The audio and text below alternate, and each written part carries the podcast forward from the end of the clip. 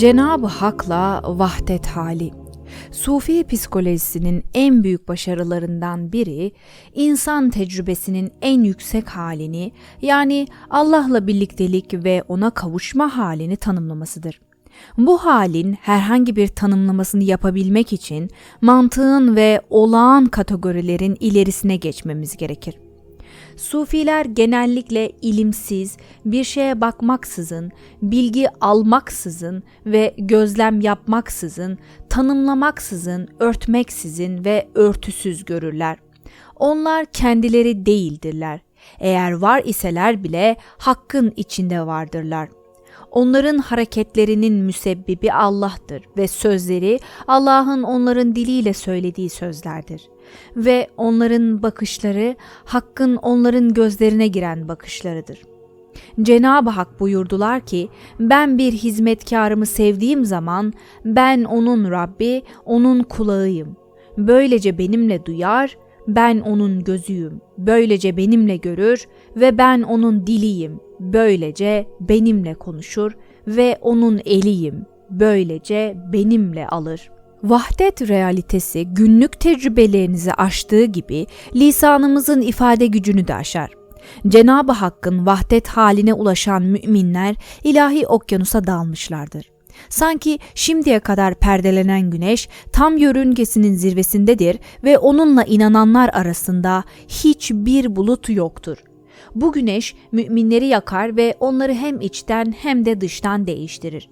Cenab-ı Hak'la vahdet haline ulaşanlar yalnızca Allah'ı düşünür, tıpkı aç bir aslanla karşılaşanlar gibidirler. Yok olacaklarına emindirler.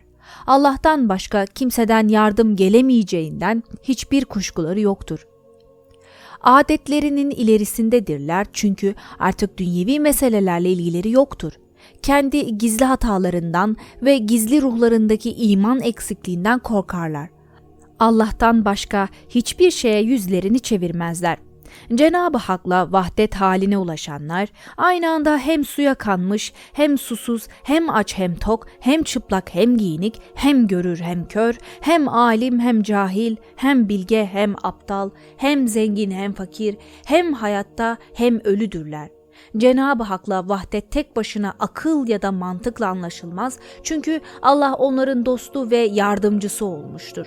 Onlar kendi benliklerinin enaniyetini kırmış ve onu kontrol altına almışlardır. Bu hal aklın muhakemesini de aşar. Sonuç İnsanın doğasına dair batı perspektifinde kalp sahibi derinden hisseden kişidir. Sufice kalp kavramı ise çok daha zengin ve çok daha karmaşıktır. Kalp herkesin sadrında bulunan bir ilahi mabettir. Allah tarafından Cenab-ı Hakk'ın içimizdeki kıvılcımın mekanı yapılmıştır. Tasavvufun temellerinden birisi kalbi temizlemek ve açmak, kalbi Allah'ın huzuru için bir mabet olmaya layık hale getirmektir. Eğer kalplerimizin ilahi mabetler olduğunu hatırlarsak, benlik duygumuz ve bütün psikolojimiz dönüşüme girer. Bu perspektiften bizler maneviyatı arayan dünyevi yaratıklar değil, gerçek doğamızı keşfetmeye amaçlayan manevi varlıklarız. Eğer herkesin kalbinin bir ilahi mabet olduğunu hatırlarsak, o zaman herkesi farklı bir gözle görür ve herkese karşı daha büyük bir sevgi ve şefkatle muamele ederiz. Her şeyden önce bu dünyanın kutsal mabetleri peygamberler ve evliya tarafından inşa edilmiş iken kalp mabedi bizzat Allah tarafından yaratılmıştır. Başkalarını bu şekilde görmek sufi hizmet anlayışının temelidir. Her insanda mevcut olan kalbe saygı göstermek büyük bir disiplindir. Sıklıkla unuturuz. Ancak eğer hatırlayabilirsek yaşamlarımızın ve bütün ilişkilerimiz değişime uğrayacaktır. Sufi cemaatinin işleyişi kısmen bu hatırlayışı besleyecek şekilde tertip edilmiştir. Bu bölümde sunulan kalp modeli ilmimizin onunla amel etmedikçe tam olmayacağını da vurgulamaktadır. Her türlü eylem kalbi etkiler. Nazik bir söz ya da yardımseverce bir tutum kalbi yumuşatır ve açar. Buna karşın sert sözler ya da zararlı eylemler kalbi katılaştırır ve kapatır. Burada sunulan model klasik bir dört katmanlı kalp modelidir. Bu modelin kökeni 8. yüzyıla kadar uzanır. Birinci katman olan sadr yani göğüs amelin mekanıdır. Kişiliğimizle manevi yapımızın karşılıklı etkileşim alanıdır. Eyleme geçmek için kişiliğimize ihtiyacımız vardır ancak aynı zamanda eylemlerimizin kalbi derin hikmeti tarafından yönlendirilmesine de ihtiyacımız bulunmaktadır. Sadr'da büyük bir psikoruhsal simya çalışması gerçekleştirerek negatif eğilimlerimizi pozitif eğilimlere dönüştürebiliriz. İkinci katmam bilinen kalptir. Bu kalp gerçek manevi ve dini öğretinin hakikatine dair derin ilim ve imanın mekanıdır. Ayrıca hakkın huzuruna dair idrakimizin yani düşüncelerimizin ve eylemlerimizin değişimine yol açan idrakin mekanıdır. Üçüncü katman iç kalp yani batını kalptir. Bilinen kalpten daha derin ancak onunla yakından bağlantılıdır. Perdesiz ilmin mekanıdır. Bilinen kalp ilahi huzurda olduğumuzu ilmen bilir ancak en iç kalp düzeyinde ilahi huzuru o kadar net ve somut olarak hissederiz ki sanki Allah tam karşımızda görür gibi oluruz. Dördüncü düzeyde yani en iç kalp düzeyinde ebediyet alemine gireriz. Bu alem sözlerin, teorilerin ve düşüncelerin ulaşamayacağı kadar uzaktadır. Bu düzeyde hikmet sahipleri düz yazı yerine şiiri seçerler ve doğrusal muhakemeleri paradokslara dönüşür. Kendi kalplerimizde ne kadar derine inersek Allah'a o kadar yakınlaşırız. Peki bizi kendi kalbimizin derinliklerini keşfetmekten alıkoyan nedir? Birinci engel kötü huylardır. Yukarıda sözü edildiği üzere her bir kötü huy ya da davranış kalbi katılaştırır ve derine daha zor ulaşır hale getirir. Ayrıca her birimiz dünyevi ilişkilerden çok çektik ve kalbimizi daha ziyade acıya karşı zırha bürümeyi öğrendik. Bir başka engel ise kalbimizin içinde aramak, mutluluk ve tatmini dünyada arama eğilimimizdir. Dünyada tatmin aradığımız ölçüde bilinçli ya da bilinçsiz olarak hepimizin aradığı hedefi barındıran kendi kalplerimizin içini araştırmayı unuturuz. Eski bir Hint meseli bu eğilim açıklayan mükemmel bir metafor oluşturur. Misk geyiği kendi koku bezelerinden gelen miskin rahatlatıcı kokusunu koklar ancak kaynağı fark edemediği için genç geyik bu harika kokunun kaynağını bulmak için ormanın içinde çılgınca koşar ve aslında her zaman kendi içinde bulunanı aramak uğruna bir kayanın kenarından ölüme atlar. Belki de dünyaya doğru bir bu perspektiften bakamıyoruz. Eğer kalplerimiz açılırsa dünyadaki her şey bize Allah'ı hatırlatacaktır. Hayır sözcüğünün çıkmasına nadiren izin veririm ağzından. Çünkü o benim ruhuma aykırıdır. O emir vermişken evet evet evet yaşamdaki her ışık saçan harekete. Kalbi açma egzersizleri. Kalp gözleri açıldığında bu dünyanın zahiri biçimlerinin arkasındaki gizlin batını hakikatleri görürüz. Kalp kulakları açıldığında sözlerin arkasında gizlenen hakikati işitiriz. Açık bir kalp yoluyla sinir sistemimiz başkalarının sinir sistemlerini o kadar ayarlı hale gelir ki onların ne düşündüğünü ve nasıl hareket edeceklerini biliriz. Aşağıda bazı egzersiz çalışmaları yer almaktadır. Bunlar kalbinizi açma ve yaşamınızı dönüştürme kabiliyetine sahip egzersizlerdir. Eğer istediğiniz gerçekten bu ise size bu egzersizleri ihlasla, sabırla ve bu egzersizlere odaklanmış bir niyetle uygulamanızı tavsiye ediyorum. Allah'ı zikretme, yatarken yapılacak dua. Uyumadan önce sessizce kalbinizden üç kez Allah benimle beraber, Allah bana bakar, Allah beni görür deyiniz. Bunu gecede önce 7'ye sonra 11'e çıkarabilirsiniz. Bir sufi şeyhine 3 yaşındayken bu dua amcası tarafından öğretilir. Birkaç gece üçer kez tekrarladıktan sonra amcası ondan önce 7 sonra da 11 kez söylemesini ister. Çocuk kalbinde tatlı bir duygunun büyüdüğünü hissettiğini haber verir. Amcası ise bu duayı bütün ömrün boyunca yap. Hem bu dünyada hem de öbür dünyada sana yardım olacaktır der. Sonraları delikanlı birkaç yıl sonra gittikçe derinleşen bir tatlı duyguyu içinde hissetmeye başladım demiştir. Kalbi bir dua. Hazreti Peygamber ashabına şu duayı öğretmişti. Allah'ım bana seni sevmeyi ve seni sevenleri sevmeyi ve beni sana yakınlaştıran her şeyi sevmeyi nasip eyle. Ya Rab senin sevgini bana susuz kalmış birisi için suyun değerli olduğundan daha değerli kıl.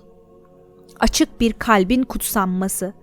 Bu egzersizde kalbinizin bir kez açılmaya başladığını hissettiğinizde kalbinizin ilahi nurla dolup taştığını ve onu karşılaştığınız herkese gönderdiğinizi hissetmeye başlayacaksınız.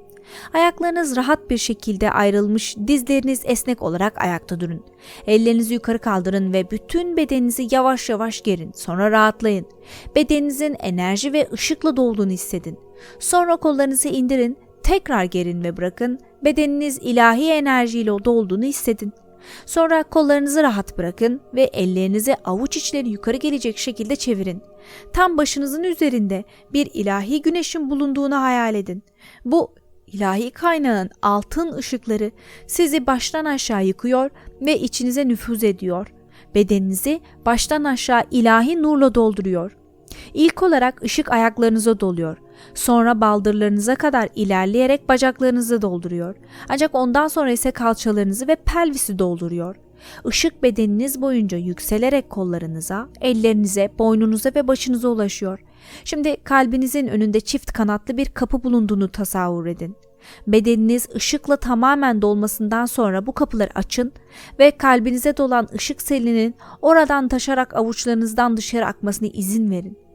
Karşınızda bir dostunuz ya da sevdiğinizin bulunduğunu hayal edin. Işığı ona gönderin. Işığın saat yönünde onların bedeni etrafında dönerek ayaklarından başlarına doğru yükselmesini izleyin. Işık onu tamamen kapladığında varlıklarına nüfuz ettiğini, fiziki, duygusal ve manevi iyileşme sağladığını tasavvur edin. Işığın her türlü hastalık, ağrı ya da pisliği arındırmasına ve eritip yok etmesine izin verin.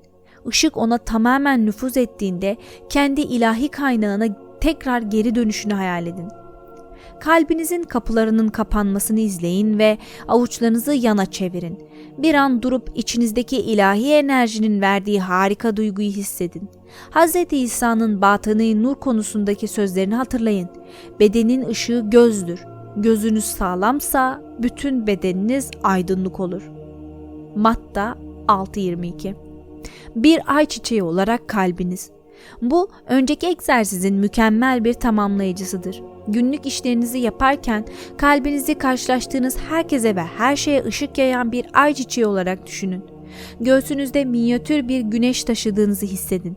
Başınız ve ağzınız konuşmalarla meşgul iken kalbinizden çıkan ışığın karşınızdakinin kalbine temas etmesini ve onu ısıtmasını izleyin.